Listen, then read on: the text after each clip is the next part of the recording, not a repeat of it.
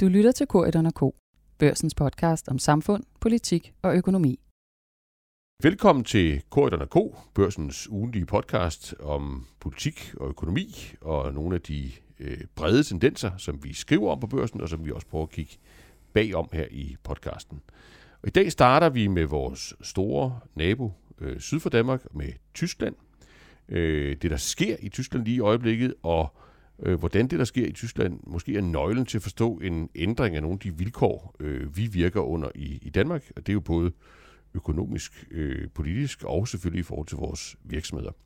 Og til at få det belyst øh, helt eminent, øh, så har vi fået besøg af Lykke Friis, som er direktør i Tænketanken Europa, som har været minister, klimaminister, og som jo også har forsket øh, i øh, politik og europæiske forhold i Tyskland i en årrække, og som støtter Bayern München øh, utrolig varmt og meget kompetent. Så velkommen til dig, øh, Lykke. Øh, glæder os til at høre øh, dit syn på den her problemstilling. Vi har også vores egen europakorrespondent øh, Louise Witt øh, med. Louise har ikke afsløret, hvem hun holder med, øh, når, det, når det gælder fodbold. Øh, men hun er her for at lægge øh, også en, en europæisk, øh, en Bruxelles-dimension på det, vi, øh, på det, vi drøfter. Men lad os prøve at starte øh, med dig, Lykke. Øh, det der med Tyskland, for, for os, der måske ikke føler det helt tæt, så har det jo været ubegribeligt stabilt, ubegribeligt længe, ikke? fordi det er Merkel, der øh, bestemmer, og det gør hun hele tiden på forskellige måder, øh, men det er i hvert fald en konstant, og hun har også ligesom sin egen måde at gøre det på, og den har vi vel vendet os til øh, nærmest som en, en, en generation øh, af, af mennesker, der følger politik. Nu slutter det øh, relativt øh, snart, øh, og, og, og hvad sker der så? Altså, hvad er det, der er under, under opsejling i, i Tyskland lige for øjeblikket? Jamen, det er jo rigtigt nok, at øh, det her med en post-Merkel-æra, det er jo først noget, man begynder at diskutere nu, fordi man har jo ikke kunne forestille sig, at det kunne ske, fordi hun mm. har været den der evige kanslerinde, der jo fortsat og fortsat og fortsat. Mm. Men nu står vi jo i den situation, ikke alene vinker hun jo farvel, men det her valg er jo langt mere åbent, end man bare skulle tro for en måned siden. Ja.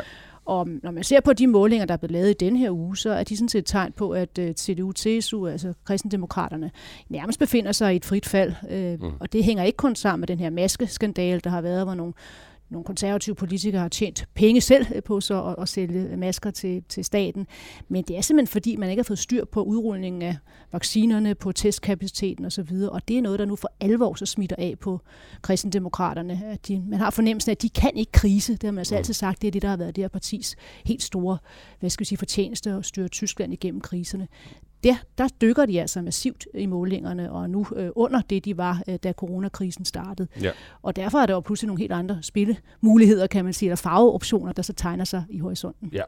Men skal vi lige hurtigt tage dem, før vi hører Louise om, om sådan blikket fra, øh, fra Bruxelles? Fordi man plejer at bruge de her trafiklys-metaforer, mm. når man taler mm. om, hvad, hvad det kan blive til mm. i, i tysk politik. Og hvad er det for nogle, nogle muligheder, der er, så er på bordet nu? Øh, i forhold til de seneste målinger og det, man taler om i, øh, i Tyskland?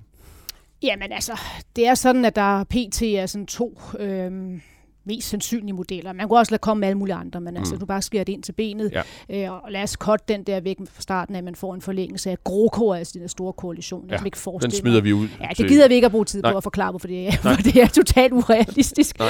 Men altså, så er der selvfølgelig så konservativ, altså TDU og de grønne, altså en sort-grøn koalition, ja det er stadigvæk, selvom de jo så dykker PT, for mig at se, den, den mest sandsynlige øh, koalition, ja. trods alt. Fordi der vil også være, det vil også gå lidt op igen, kan man sige, i, også, også for TDU TSU, når kommer lidt længere frem med alt sandsynligt. Men de skal lige finde at man skal være spidskandidat først, og det er jo så cancerkandidat, det kan man måske tage bagefter også. Mm.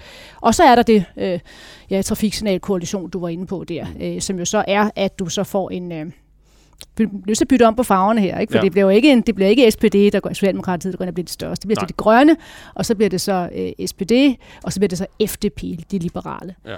Og det taler man jo meget om lige pt, men der er godt nok langt fra de liberale og så over til, øh, ja. til SPD. Så det er, det vil være ret kompliceret for han. Jeg minder bare om, at man jo for de her fire år siden prøvede på at lave en såkaldt Jamaica-koalition efter ja. farverne så i tysk politik, og det er jo så CDU, TSU, så var det FDP, og så var det de grønne. Og det, det kunne, ikke. Det kunne man ikke. Så ja. det der med at lave den der koalition uden om uden om øh, CDU, TSU, den er altså fortsat svær. Men selvfølgelig i valgkampen vil det jo være meget essentielt, mm. at uh, man kan sige, at der er sådan set alternativ for, ikke mindst for Socialdemokratiet. Fordi hvis de ikke kan indgå i en anden form for flertalskoalition, så er der jo ikke meget ved at stemme på dem, kan man så Nej. sige. Og der skal bare huske på, at uh, apropos stabilitet, den nye tyske regering skal jo også være en flertalsregering. Ikke ja. det der med mindretal, som vi kender herhjemmefra. Nej, nej, det er kriteriet. Det er Weimar, Weimar, Weimar. Der skal ja. vi ikke tilbage, vel? Nej. Men lad os lige få Louise øh, Wittin, altså at du sidder på Bruxelles, øh, følger øh, relativt tæt øh, spillet der. Øh, altså det er vel sådan lidt den, den samme stemning. Man har været vant til Merkel. Man, man ved, hvad man, hvad man får, uanset om man bryder sig om det eller ej. Hvor, hvor tæt oplever du, at man øh, både i om man så må sige, institutionerne, men også øh, landene følger det her øh, det spil, øh, som, som Lykke lige har beskrevet? Ekstremt tæt. Ekstremt altså, jeg tror, hvis man i Tyskland ikke kan forestille sig en tid uden Merkel, så kan man overhovedet heller ikke i resten af Europa. Altså, hun Nej. har jo siddet så længe den længst siddende og været det der sådan safe pair of hands, den stabile, samlende faktor ja. igennem alle mulige genvordigheder, finanskrise og nu pandemi osv. osv. Mm. Så det bliver jo fuldt tæt af den grund, men jeg tror også af en anden grund, fordi man sidder jo i alle mulige andre europæiske lande nu og kigger på, nu har vi været igennem den her krise, vi er stadigvæk midt i krisen. Hvordan går det så, når der bliver valg? Der mm. har jo været tre prøver nu, de to tyske delstatsvalg og så et valg i Holland. Mm. Og der er jo alle mulige forskellige faktorer, der spiller ind der, men hvis der er en ting, man kan sige, så var det måske, der sammenfatter de tre, at den siddende magt vinder. Altså ja. den, der sad i forvejen, vandt i alle tre dyster øh, selvom de er vidt forskellige partifarver osv. Men det spændende er jo så med det her tyske valg, hvordan går det så, når den siddende kraft ikke bliver? Altså, mm. Merkel går jo af, og hvad sker der så med den dynamik? Det når, bliver jo når corona fælder en regering. Og når, Præcis, når man, ja. eller i hvert fald, når, når hun går af af andre årsager, ja. altså fordi hun har jo meddelt for længst, at hun går af, at hun ikke vil mere osv.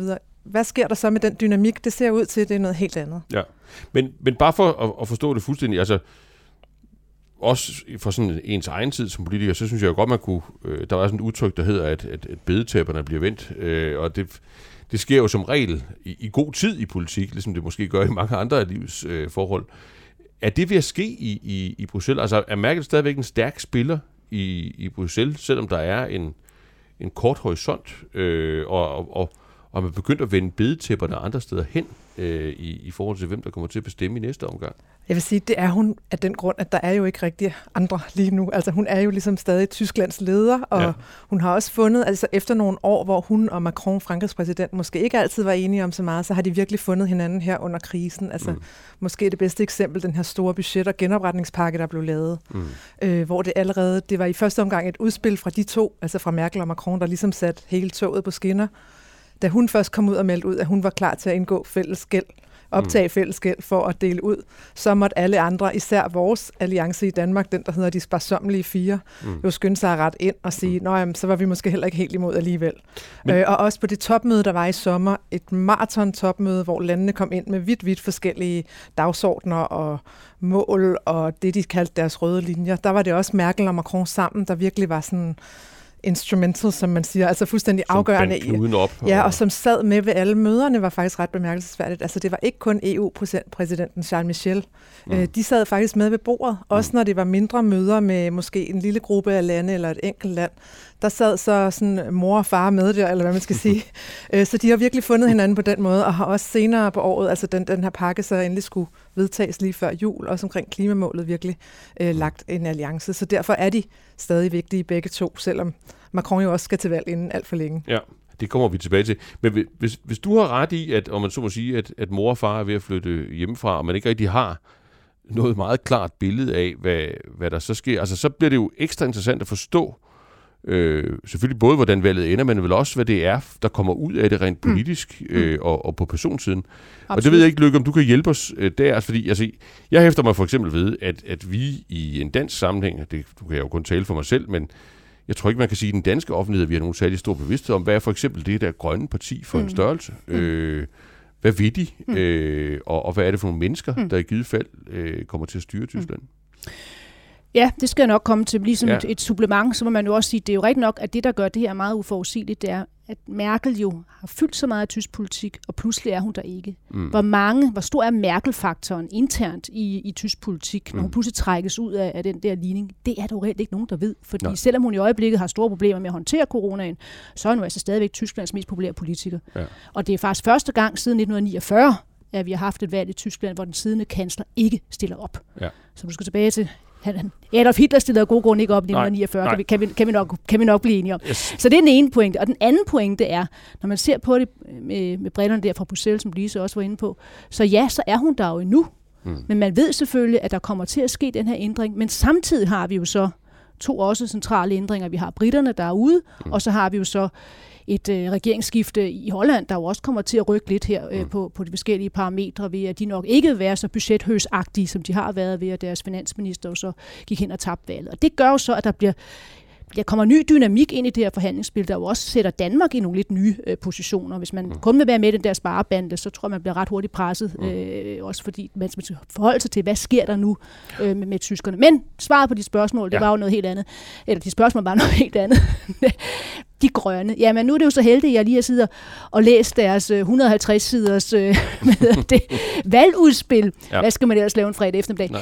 Der, der udkom det jo nemlig så, og det er jo virkelig interessant, øh, den måde, de jo så selvfølgelig vil sætte fokus på den grønne omstilling på, det siger jo næsten sig selv, mm. men også nogle af de ting, de siger inden for det europæiske. Mm. Fordi der er de jo så inde på, at vi allerede nu skal begynde at se på en ændring af vækst- og stabilitetspakten. Mm. Øh, vi skal ikke bare køre videre med de nuværende regler, de skal laves om, øh, så de i højere grad så også kan gøre, at vi kan få mere vækst. Det er jo den måde, de udlægger det på. Mm. Den øh, genomretningsfond, som jo så Louise nævnte, den er på de 750 milliarder euro, som jo nu går i gang, øh, det var jo sådan en... Øh, enkelstående begivenhed, øh, mm. set med Merkels briller, øh, men øh, der ligger de grønne sig altså op af Macrons synspunkt. Den skal vi have øh, fra nu af, om ikke til evighed, men den skal gøres permanent. Mm. Så det er jo bare allerede nogle, nogle helt konkrete eksempler, øh, hvor, hvor der kommer til at ske et skift, fordi uanset hvad, så kommer de grønne jo med i regeringen. Ja.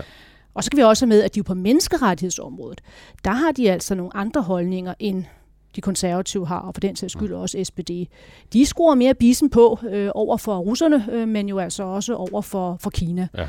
Rusland som eksempel, så er de jo imod, at man så skal færdiggøre Gazprom-ledningen, øh, altså Nord Stream 2. Mm. Øh, og så skal vi også have med selvfølgelig, at det er et parti, som ligesom CDU-TSU ikke er en af dem, der skal være deres øh, kanslerkandidat. Ja. Der kæmper der også to, en kvinde og en mand, og det, der måske kunne glæde nogle af vores lyttere, det er, at øh, hvis nu det blev Robert Harbeck, den mm. mandlige del, så øh, kommer han fra Flensborg, og han taler flydende dansk. Ja. Det kunne jo hjælpe nogle politikere, ja. der ikke kan tysk. Ikke? Nå, ja, det, er ja. du, det, er, det er jo fuldstændig rigtigt. øh, men der synes jeg jo, der, der kommer jo masser af substans frem der. Som, lad os lige prøve at tage det, tage det stykke for stykke. Det er jo ikke nødvendigvis sådan, at de grønne kommer til at betale, bestemme alting i, Ej, i tysk politik, selvom de, ikke tro. selvom de ryger med i den ene eller den anden form for regering. Men lad os bare lægge til grund, at de her dagsordner, de, de, vil, blive, de vil blive fremmet. Altså, for det første, hvilken rolle kommer det til at spille i en tysk øh, valgkamp? Altså en, øh, en meget mere, om man så må sige, løs økonomisk politik. Er det noget, de, altså, er det en stærk position for dem at føre, at føre valgkamp på? Hvordan, hvordan håndterer CDU'erne øh, det i, i givet fald? Står de fast på, på sådan den klassiske Merkel, Schäuble, øh, stramme kurs? Øh, og, og, og det her med det, det, det om man så må sige, EU-politiske og, og udenrigspolitiske, altså Hvordan spiller det i en tysk valgkamp? Vil det tiltrække sig opmærksomhed fra vælgerne, at man læner sig længere over mod Frankrig, længere over i en føderal øh, retning, længere over i en, øh, ja, en integrationsvenlig retning? Øh, det her med menneskerettighed, der er vel også et Kina-spørgsmål der, mm. øh, hvor, hvor Merkel har mm. haft, om man så må sige, en, en, en læne så meget i retning af at, at ville integrere mod Kina mm. øh, handelspolitisk. Mm. Så hvad, hvordan ser du den valgkamp spille sig ud? Kommer de her temaer overhovedet op på, på, på dagsordenen, eller det er noget helt andet, de sidder og, og, og interesserer sig for, når de kommer til sådan at kæmpe magten? Altså, selvfølgelig corona øh, kommer, det var meget banalt pointe, men det kommer selvfølgelig ja, til at spille en rolle. Ja, ja, ja, ja. ja, og det, det gør jo også, at hele det der diskussion omkring, hvordan har man håndteret den her øh, coronakrise. Mm. Jeg tænker ikke kun på det økonomiske, men sådan set mere det her med, hvordan kan det være, mm. at det tager så lang tid at rulle de der vacciner ud i, ja. i, Tyskland. Og det er klart nok, så sidder man og siger, det, det skyldes digitalisering. Og det er jo også rigtigt nok, når man øh, skal modtage ting på en fax i Tyskland, stedet ja. når du skal vaccineres, og du, så, det foregår også med blyant og papir, ikke? Yes. så tager det altså noget tid. Ja. Og det er jo så lidt svært for, for CDU, fordi de jo så stadigvæk har, øh, har kanslerposten, har haft den så mange år, at sige, jamen det er også for dårligt, vi er kommet længere, længere med digitalisering. Mm. Øh, det er sket på din vagt. Ja. Så det er mange ting, de kommer til nu at, at ja, og bliver den boomerang, øh, mm. og de kommer til at stå med mange af de der øh, problemer. Og det kommer til at være en central rolle, øh, mm. spille en central rolle for den der coronabekæmpelse. Så er der selvfølgelig hele persongalleriet. Ja. Har man tiltro til, tør man overlade de berømte nøgler til, øh, til totalt uprøvede øh, grønne politikere, altså mm. grønne nu i henhold til den politiske farve, tør man overlade nøglerne til en, en, en fra Bayern, fra Hochbräuhaus. Altså, mm. hvad sker der med Tysklands renommé? Hvilken politik vil han føre? Altså, Markus Söder. Mm. Og ham der, Armin Laschet, der kommer fra Nordrhein-Westfalen, tror man på ham, når det kommer til stykket? Altså, der, der er de der personfaktorer, kommer mm. til at spille en rolle. Og så tror jeg altså rent faktisk, at det europæiske godt kan gå hen og spille en rolle, fordi det spiller ind i den økonomiske diskussion. Mm. Og der var det jo interessant her for nogle uger siden, der var så Merkels højrehånd, han hedder Helge, Helge Braun, ja. han var ude at sige, at øh, jamen, det der med med sultenbremse, altså man skulle have begrænset, hvor, hvor mange, hvad det, stor gæld man kunne skabe fremadrettet, at det, den skulle man så også fjerne. Ja. Ja, altså, altså, det, det hvor han lagde sig i en grøn retning i virkeligheden. Præcis, ikke? Ja. ja. Er du da sindssyg? Der var altså totalt drama. Mm. Øh, og der måtte han rette ind, men det er jo klart, det var ikke noget, han bare lige sagde. Vel? Mm. Så, så det er jo et tegn på, at, at det der spørgsmål bliver, bliver et centralt. Jeg tror, altså, de, vil, de vil stå på de klassiske Schäuble-værdier, øh, CDU er. Ja. Øh, også for på den, det bliver de også nødt til at gøre på grund af FDP, fordi de vil jo rendyrke liberalt, de vil jo rendyrke nogle af de her synspunkter. De ja. har jo allerede været ude at sige, det der med, altså, med at have en gældsunion og genopretningsfond, det var anyway ikke en blomster i deres have. Så for lige, lige at summere det op, altså, så, så kan man sige, der er noget, der tyder på, at tyskerne kommer til at stemme noget reelt. Øh, ja. og, altså, at, at det faktisk får ja. en betydning ja. for, øh, om man så må sige, slagretningen i, ja. i Europa, og om det går den ene eller den ja. anden vej, øh, rent stemmemæssigt. Men vi så, vi så lige få din hjælp, øh, Louise, til at, at, at lægge de næste par brikker i, i puslespillet, fordi selvom Tyskland er de største, øh, så er de dog ikke de eneste, øh, og heller ikke de eneste, der skal have valg. Øh, der er også et valg i Frankrig øh, på, på, på vej. Ja, øh, til næste forår. Til næste forår, og der har ja. man jo set nogle målinger nu her de sidste uger om, at Le Pen, altså højrefløjens, yderligt højrefløjen, kan man godt sige, kandidat, fører over Macron. Mm. Det har været første gang i lang tid, at man ser det. Altså, hun står med en reel chance for at vinde. Mm. Men der er jo et år endnu til det valg, så jeg tror, man skal jo huske, at det er et øjebliksbillede, som er taget midt i en krise, hvor vi står med ligesom i Tyskland, for få vacciner, det går for langsomt med at mm. vaccinere osv. Så, så egentlig kan man måske ikke bruge selve lige de målinger til så meget. Men signalet er jo interessant, fordi når vi taler om bedetæpperne, som vi gjorde før, mm. og et ret åbent valg i Tyskland med et nyt parti, som man slet ikke kender lige så godt som de to traditionelle kanslerpartier, og som jo også, det er derfor, det er super spændende at høre dig fortælle om, hvad er egentlig de grønnes politik. Det tror jeg, der er mange rundt i Europa, der spørger sig selv om. Ja, det er ikke noget, man har brugt ret meget tid på at studere i, i bund. Og det øh. samme med Frankrig. Hvis man får Marine Le Pen som præsident, hvad vil det betyde? Hun har jo været, altså hendes fars parti i gamle dage var jo direkte EU-kritisk, altså mm. stærkt kritisk og skeptisk over for hele, institu- eller hele arrangementet, han har sagt. Ja. Så hvad vil det betyde? Det er jo igen et helt åbent spørgsmål. Så, så når tæpperne ikke begynder at pege nye sted hen, så er det måske også fordi, der er det hele den her... Altså også, at det ikke er lykkedes for hverken Merkel eller Macron at ligesom køre en klar efterfølger mm. i stilling. Mm. Det har de jo prøvet, Merkel især, i flere omgange, men det er ikke en, som vælgerne... Altså hun havde jo hende, der hed Kramp Karnbauer, hvis jeg siger Ej, det rigtigt. Kramp Karnbauer, ja. ja, ja. Kaldet AKK, som skulle have været den nye, hun blev kaldt Mini-Merkel, mm. men øh, som floppede fuldstændig og måtte træde tilbage igen. Og nu så Armin Laschet, som jo heller ikke øh, ser ud til rigtigt at have mm. vælgernes store kærlighed. Og det samme i Frankrig. Altså, der er jo et år endnu, kan man sige, for Macron til at finde på noget. Ikke? Men mm. det ser ud til, at det kan være noget af den samme dynamik. Altså at i de store lande er der måske en anden, hvad skal man sige, et sammenfald mellem det europæiske og nationalpolitik, som man ikke ser så meget i små lande, altså ja. Danmark, Holland. Der tror jeg, at mange vælgere godt ved, ja, okay, vi gør jo, hvad vi kan i EU, men vi har ikke og det er noget andet, der er fuld indflydelse, og vi må også høre ja. til de andre og sådan noget, ja. hvor de store lande, der vil man jo enten spørge, hvorfor har I ikke gjort mere for at trække den her vaccineudrulning i den rigtige retning, eller hvorfor har I ikke gået selv? Ikke? Mm. Fordi det er jo ikke rigtig mm. en mulighed for os. Altså, vi ved jo ja. godt, vi kunne jo ikke selv bide skære med Pfizer og AstraZeneca, og Nej. vi var ligesom nødt til at gå med med de andre. Ikke? Men, men der tror jeg, der er en anden dynamik, når der er valg i de to største, mest toneangivende lande. Ja. Men det er klart, man kan sige, at de store forskelle på det her valg, og så bare for fire år siden, det er jo det her med altså flygtninge- og indvandrerpolitik. Øh, mm. Det er ikke, fordi jeg glemte det, da jeg gennem, gennemgik, ja, hvad, der, hvad der skete. det er væk. Det, det er væk. Altså, ja. øh, det kan selvfølgelig godt 7. 13 dukke op igen, hvis der er noget terror, eller hvad ved jeg, men, men det er jo slet ikke der, hvor man har debatten. Det havde man jo i, i 2017, så var det et store stridspunkt, jo så også internt, kan man sige, det tyske øh, kristendemokratiske parti.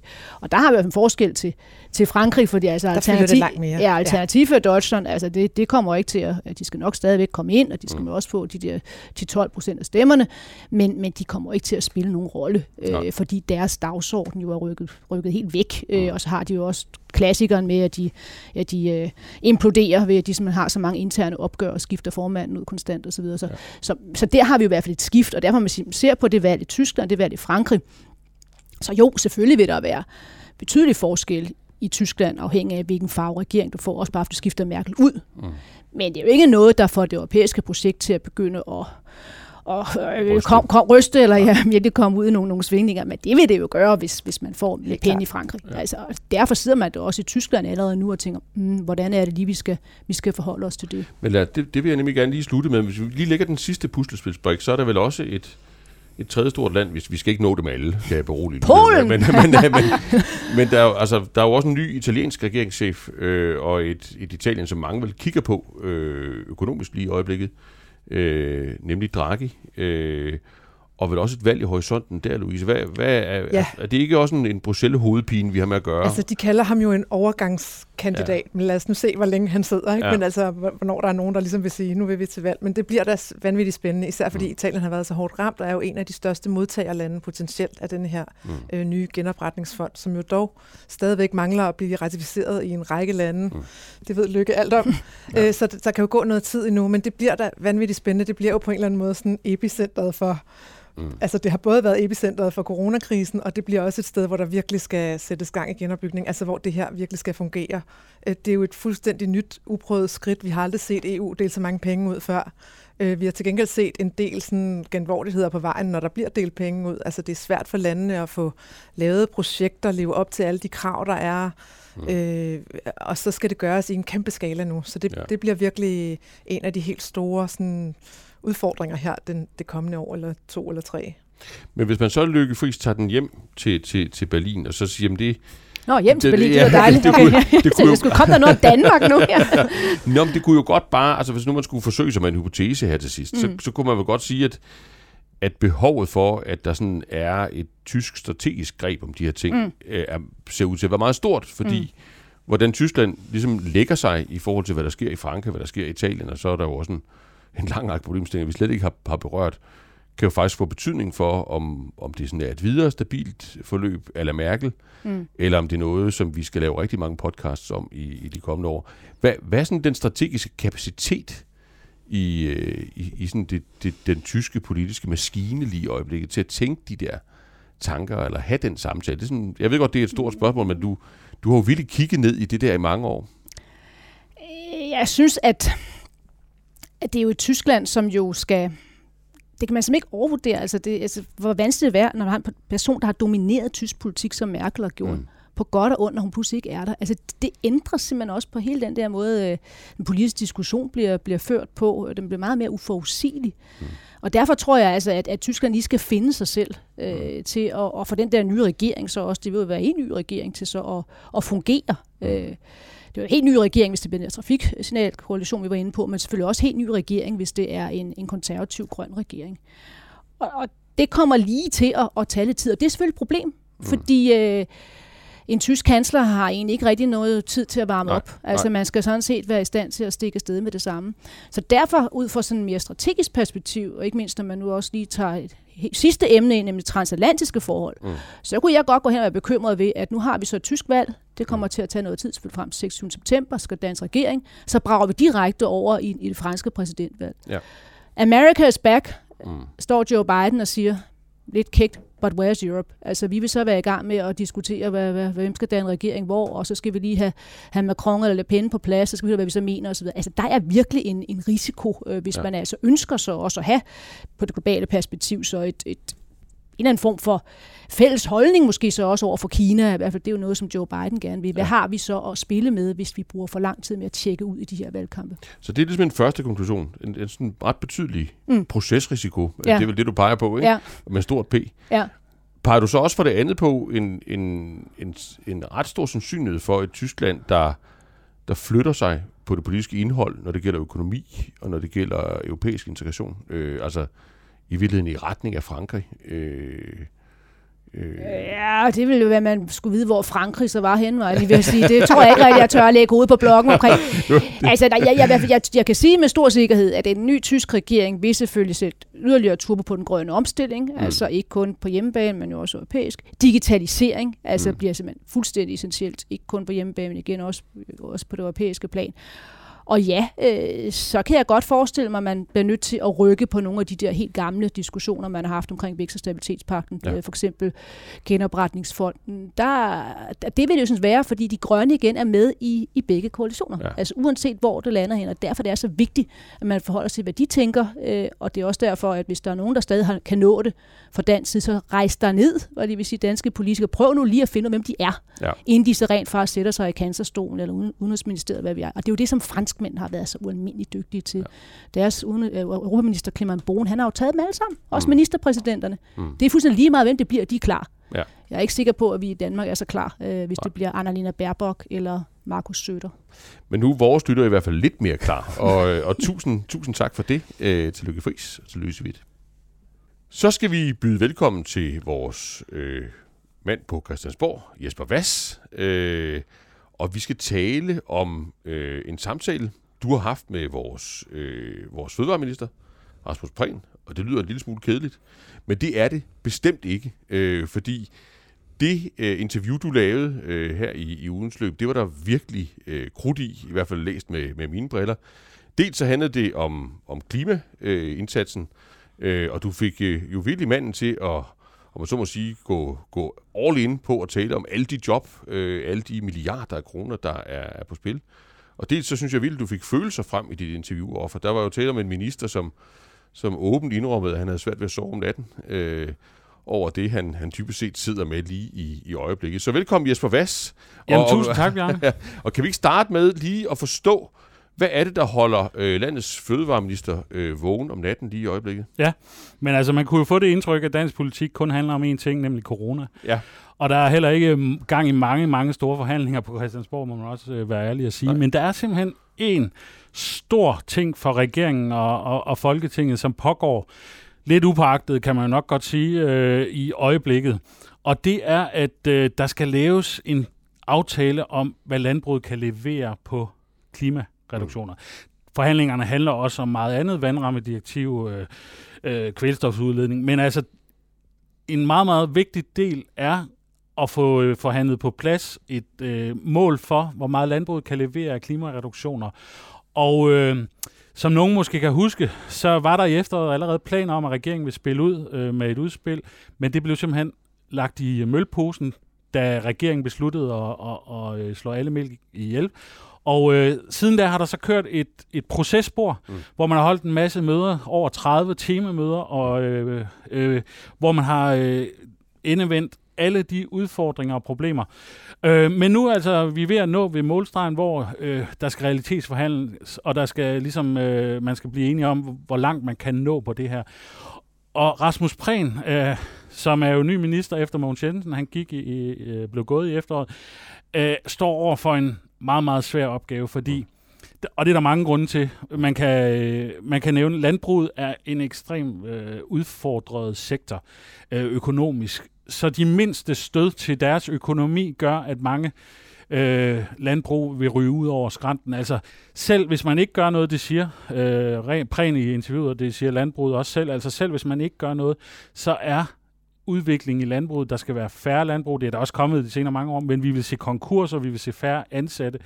Men regeringen er simpelthen bange for, at den dårlige økonomi oven i ekstra krav til at reducere klima på forskellige måder, som vi selvfølgelig kan vende tilbage til, mm. vil sende en lavine af konkurser igennem øh, landbruget og de frygter, at det vil øh, koste arbejdspladser, og de frygter, at det vil sprede sig til de lokale banker og ud til øh, den lokale håndværker, som også er afhængig. Mm. Så han er meget, ekstremt meget, ekstremt Det holder bange. ham vågen? Det, det holder ham vågen. Altså, der, altså han, han nævner jo øh, altså, klassisk øh, Rasmus Prehn og øh, måske klassisk socialdemokratisk. Det må du, øh, det må du dømme, han nævner. Han er, han er bange for, at 3F'eren, som er, øh, altså, som er arbejder i landbruget, ryger. Han er bange for NNF'eren på, øh, på slagteriet. Altså, det er jo klassiske øh, øh, vælgergrupper, som øh, står til at, at, at kunne miste deres arbejde, hvis der for eksempel skal være mindre animalsproduktion i Danmark, eller at øh, landbruget skal, skal, skal have store strukturelle øh, forandringer, gennemleve store strukturelle forandringer, ja. øh, som klimaforandringen jo er. Ja. Øh, så det er han ekstremt bekymret for. Det, der ligesom var øh, afsættet for interviewet, det var, at han vil gerne lige talsætte den udfordring, han stod for, og ligesom sænke forventningerne, fordi det er jo særligt støttepartierne, der øh, presser på. Det er særligt dem, der Øh, altså, det er jo også Klimarådet, altså regeringen under pres, ja. øh, for at levere på en målsætning. Men, lad os lige prøve ja. at, at tage fat der, fordi øh, at, jeg har jo selv øh, haft fornøjelsen af at sidde øh, og, og, og kigge på, øh, på tiltag, der, øh, der kunne ramme landbruget, øh, for så at, at, at opnå andre mål, for eksempel klimamål eller, eller miljømål. Øh, øh, og selv kender godt de her bekymringer for, at, øh, at man der puffer til et, øh, et relativt skrøbeligt erhverv, og at det så igen puffer til måske lokale pengeinstitutter og, og, og også beskæftigelsen i nogle af de lokale samfund i Danmark, der måske ikke har det så, øh, så nemt. Men, men det, der vel er nyt her, øh, i forhold til da jeg havde fornøjelsen, det er vel, at der er en bunden opgave, der, der skal løses, nemlig klima, øh, klimamålet. Er det ikke rigtigt? Og hvis jeg forstod det rigtigt, så da du mødte øh, Rasmus Prehn der, jamen der lå der vel også en rapport over i, i hjørnet hans skrivebord, eller hvor den nu lå henne, øh, fra, øh, fra vismændene, som siger, jamen, øh, den billigste måde at skaffe nogle tons CO2 på, det er sådan set ved at gå relativt hårdt til landbruget. Det vil godt nok koste en 10-15.000 arbejdspladser, øh, men hvis vi gør noget andet, så bliver det endnu værre. Ja. Øh, var, var det på dagsordenen også hos ham? Ja, altså... Det er jo fuldstændig rigtigt, at det Miljøøkonomiske Råd, som det hedder, øh, de, øh, vismændene kom med en rapport, der ligesom sagde, at hvis man skal nå 70%-målet, hvilket der jo er øh, stadfæstet i en lov, det, eller mm. det står i en lov, og, og der er bred flertal om det, så skal man jo gøre det med det her øh, berømte greb, der hedder en ensartet CO2-afgift. Mm. Det er jo ikke, fordi man skal gå hårdt til landbruget, men det er simpelthen, fordi landbruget også skal levere sin del. Og tanken er jo, at man skal gøre det der, hvor det er mest omkostningseffektivt. Ja. Så det vil sige, man, man laver en ensartet øh, CO2-afgift, der rammer alle udledninger. Mm. Og faktisk så er øh, nogle af landbrugets udledninger af CO2 relativt lavt beskattet, så det er mm. relativt billigt mm. at lave CO2-reduktioner i landbruget sammenlignet med andre steder, hvor der er allerede er afgifter og høje afgifter. Så det Miljøøkonomiske Råd, de slog fast, ja, den eneste vej, eller ikke den eneste vej, den billigste vej til 70%, det er en CO2-afgift på alle udledninger, også på landbrugets øh, udledninger af, altså nu øh, kan man, måske skal man lige forklare, at landbrugets udledninger består af en række ting, men altså en vigtig ting er, er animalsk produktion, og det er sådan nogle, det man kalder CO2-ekvivalenter, metangas, øh, lattergas og, og øh, den slags. Mm. Og øh, hvis man skal, hvis ikke man og det, de har regnet på, det er, at hvis man ikke medtager det i en ensartet CO2-afgift, så bliver det markant dyrt for alle andre. For alle andre? Ja. De har, et regnestykke, de øh, nåede frem til, det var, at hvis vi skal nå det her mål, så skal vi have en høj ensartet CO2-afgift på 1200 kroner i, øh, i, i 2030. Hvis man undtager metan, lattergas og nogle F-gasser, det er lidt teknisk, men det er ja. jo lige meget, men det, det er nogle af de gasser, der kommer fra øh, dyreproduktion, så skulle afgiften være 3.000 øh, kroner per okay. ton. Og det vil jo sige, at øh, har du en virksomhed, øh, som øh, øh, producerer noget og udleder CO2, så i stedet for at få en, en afgift på 1.200, så skal du jo så øh, betale en afgift på 3.000. Og det betyder jo markant øh, flere jobtab, og det bliver en markant dyre regning for samfundet som helhed.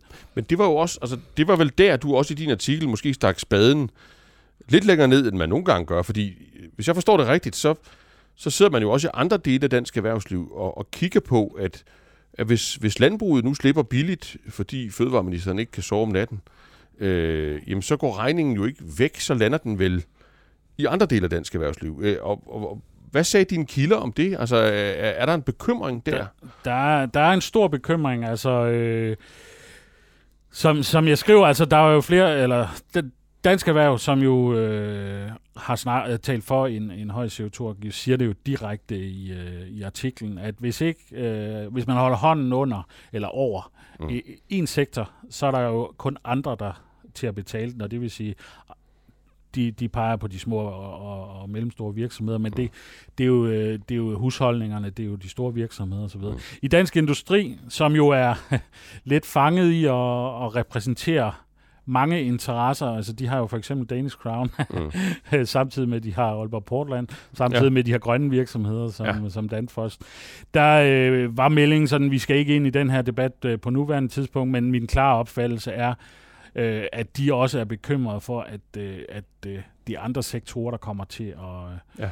til at betale. Og øh, selv med, med et ambitiøst, øh, en ambitiøs aftale, hvilket jo ikke rigtig ligger op til, så er der jo ikke tale om, at man er klar til at lave den ensartede CO2-afgift på animalsk produktion, fordi det er jo noget, man er ved at udvikle i forhold ja. til bedrifterne. Ja. Men han i talsat jo også, at en anden stor klump, som man har talt meget om, og det er lidt teknisk, det er noget, der hedder lavbundsjord, men altså det er jo nogle jorder, man dyrker, mm som er, har meget øh, organisk stof øh, i sig, og derfor udleder meget CO2. Mm. Hvis man købte dem af landmænd og, og, og, oversvømmede og, dem, og, oversvømmede ja. dem og altså udtog dem af, af produktion, så kunne man spare ret meget CO2. Ja. Øh, men, men der siger øh, hans egne folk, altså for det første, man har forsøgt, man har sat 2,7 milliarder af på finanslov. Mm. Og, og som han siger, og det fik jeg ikke med i interviewet, det var ellers et meget godt billede, Præn er jo god til, til billeder. Mm. Altså, vi har kørt landet øh, rundt og delt 1000 kroner ud, men bønderne er ikke, bider ikke på. Nej. Øh, så man har nået 1500 hektar. Så den der nemme genvej, der, ja. den, den findes ikke rigtig i virkeligheden, den, set med ministerens... Den, øh, den findes ikke. Nej. Og som han meget øh, med et godt billede siger, altså... Øh, vi har nogle støttepartier, der vil udtage omkring 100.000. Øh, Klimarådet har jo sagt 170.000 hektar. Men som han siger, øh, der er nogen, der vil ind og, og, og reducere rigtig meget, men de handler med pesetas, hvor jeg kommer med pund, og så er det altså lidt svært at handle, når der er forskellige valutaer. Ja, ja. Og der er han bare ude at sige, lavbundsjord er ikke det der Columbus-æg i forhold til at reducere øh, CO2, som alle har troet. Så det er endnu en udfordring i forhold til, at landbruget kan levere. Og han siger jo også helt specifikt, den animalske produktion kan vi ikke røre ved på grund af arbejdspladser. De frygter simpelthen CO2-lækage, fordi produktionen flytter ja. udenlandsk. Men lad os så lige prøve for din hjælp, Jesper, til at forstå, hvad, hvad det er for en proces, øh, vi, vi nu kommer til at, at kigge på. Altså, jeg havde selv fornøjelsen af at tale med, med en kilde i den her uge, som sagde, jamen, den måde, det her kommer til at køre på, øh, jamen, det bliver sådan, at, at, øh, at vi lægger alle de her frygtelige dilemmaer, alle de her tal på, på bordet i forhold til tab af arbejdspladser og ekstra omkostninger for virksomheden osv. Og så ender det her med, at de der øh, røde og grønne støttepartier, de kommer til at elske hockeystaven, inden vi, inden vi er færdige. De kommer til at elske ideen om, at det hele, det må komme til sidst. Fordi på en eller anden måde, så er det, det er sådan en pædagogisk proces, hvor de gradvist skal se virkeligheden i øjnene. På samme måde som Prehn jo så over for dig øh, ser virkeligheden i øjnene. Men, men, men hvad, er det det spil, der kører lige i øjeblikket, eller hvad, eller hvad det, hører du om processen? Det, det er der ingen tvivl om. Altså, øh, når man taler med folk i regeringen, så de aflyste jo at komme med deres eget udspil. Normalt, når man er i regering, så præsenterer man et udspil, og så øh, mm. siger man, så tager man imod al den kritik, der kan komme fra den ene side og fra den anden side. Landbruget siger, det er massakre på os, og de røde siger, det er uambitiøst. Ikke? Mm den her regering efter Mogens Jensen røg i svinget sagde, ja, men nu tager vi nogle tekniske møder. De har taget 32 øh, af dem, ja. og det er altså timelange møder med 60 mennesker på Teams, og det har været kaotisk. Altså, ordførende siger, at det har været helt forfærdeligt, men intern regering har man har, har, siger man til mig, altså man vil hellere tage en kritik af processen, ja. end man vil tage en kritik af policy, for, eller, af substansen, eller, af substansen ja. fordi øh, det er simpelthen så sprængfarligt. Du kan gøre landbruget sur, du kan gøre dine støttepartier sure. Så de har holdt så mange møder og plancher og informationer, der skal blødgøre både støttepartierne, ja. men også øh, ligesom øh, skabe øh, mulighed for en landingsbane. Og det jeg hører er, at de de overvejer forskellige øh, muligheder, men altså, de vil jo meget gerne... Prehn, han siger, at han har fået mandat til at lave øh, den her aftale bredt ind over midten. Ja. Han vil meget gerne have Venstre med, det største landbrugsparti, og han vil helst ikke lægge sig ud med, med landbruget. Samtidig er han selvfølgelig presset af Rød Blok. Så det, de lige nu, som jeg hørte, øh, overvejer, det er, hvor de skal lægge snittet, jeg tror, der er sonderinger i forhold til, er Venstre klar til at gå i, øh, med i en aftale? Jakob mm. Ellermann var jo i Landbrugsavisen her for ikke så lang tid siden, også at tale forventningerne ned. Ja. Og nu skulle vi passe på, at der ikke kom en rød massakre af, af landbruget, som han sagde. Ja. Så der er ingen tvivl om, at de her lange, lange forhandlinger, hvor regeringen bare har øh, sagt, øh, ja, vi mener ikke noget, nu skal I bare høre om alt mm. det her, har haft til hensigt at blødgøre og, og ligesom pacificere mm. dem, der virkelig vil meget. Og så øh, kommer der nu et forløb, hvor der skal findes en landingsbane, hvor han jo så siger, altså man skal nok ikke regne med, at det bliver det, man havde forestillet sig i forhold til reduktioner. Og, og, og så er der jo nogle støttepartier, øh, altså SF, Enhedslisten, Radikale, som, øh, hvis nu vi skal være lidt hårdere, så hvis man nu spørger dem, hvad har I egentlig fået ud af det øh, ja. i den senere tid, så siger de, ja, vi har jo ikke fået noget som helst på udlændingepolitikken, og for de radikales vedkommende jo heller ikke rigtig noget som helst på den økonomiske politik, men klimaet, der står vi fast. Ja. Altså, hvor, hvor, hvordan, altså, de må vel også kunne gennemskue, hvad det er for et spil, der, der foregår. Er er de, hvordan forbereder de sig på det her slutspil? De øh, ved udmærket, hvad der foregår. Altså, mm. det, det var jo også det, der skete i en anden variant under forhandlingerne om den grønne skattereform. Mm. Alt bliver skubbet ud i, i fremtiden, fordi ja. beslutningerne er meget svære. Også fordi de nogle gange er teknisk, for eksempel en ensartet CO2-afgift. Ja. Der er tilfød, i forhandlingerne tilføjet notater, der siger, at selv det, den forskning, man har lavet på den grønne, øh, eller hvad hedder det, på den ensartede CO2-afgift, der skal omfatte landbrugets bedrifter, altså udledning af metan og sådan noget, fra, fra når dyrene spiser græs og så videre. Øh, selv med det kan man ikke lave det. Der skal endnu mere forskning mm. til. Det er noget, der ligger langt ude i fremtiden. Det ved de godt. Så jeg tror ikke, det er der presset bliver. Presset bliver på det her med lavbundsjordene. Der har de, øh, vil de gerne sætte rigtig mange penge af. De vil også gerne bruge noget af landbrugsstøtten. Der er allerede i dag mulighed for at bruge omkring 7%. Det vil de gerne øh, have til at stige. Mm. Øhm, øh, så man bruger det til at udtage jord, men det er jo stadigvæk heller ikke nogen øh, stor løsning. Men de vil så presse på for et, sektio, øh, hvad hedder det, et sektormål, altså et reduktionsmål for landbruget, og øh, det er jo så det, øh, alt efter hvornår det her bliver afspillet, men altså, så tror jeg, at støttepartierne var gå ud og, og, og sætte øh, pres på, at man får et, et ambitiøst øh, mål. Men mål er, du taler selv om hockeystaven, altså de radikale var jo for eksempel øh, ude med... Øh, mere plantebaseret øh, kost. Mm. Og det er jo et eksempel på en hockeystav, fordi det, at man investerer, kaster millioner og millioner og millioner efter at øh, mere plantebaseret, reducerer jo ikke CO2'en, øh, for det får ikke folk til at, at spise mindre kød. Nej. Men tanken er så, at det på sigt kan sådan ligesom ad frivillighedens vej og, og sådan en naturlig øh, jo mere det fylder, så vil det fortrænge animalsk, produ- animalsk produktion, og så med tiden vil det kunne give mm. en.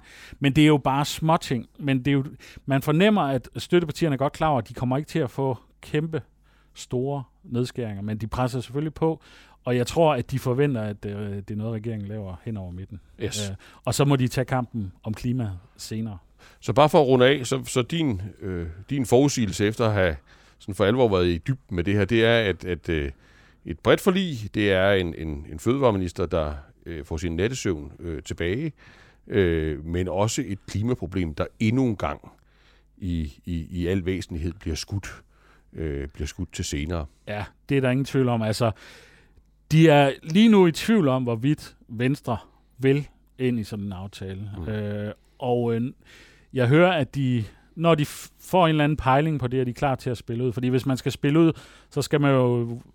Man skal lave et udspil, hvis man har Venstre til at forhandle det ned, mm. og man skal lave et andet udspil, hvis Rød Blok skal forhandle det op. Mm. Men når man har fået en pejling af det, så kommer der et udspil, og så lander man et eller andet med et relativt begrænset reduktion af CO2. Og så laver man måske et sektormål, øh, som jo er ude i fremtiden, og som man ikke har redskaberne til endnu. Og så må vi så se, hvordan støttepartierne reagerer. Men som han selv siger, han har fået mandat til at lave en bred aftale. Mm. Så øh, det vil sige, hvis ikke der er et borgerligt parti eller Venstre ikke vil være med, så skal han have et nyt mandat fra, ja. fra Mette.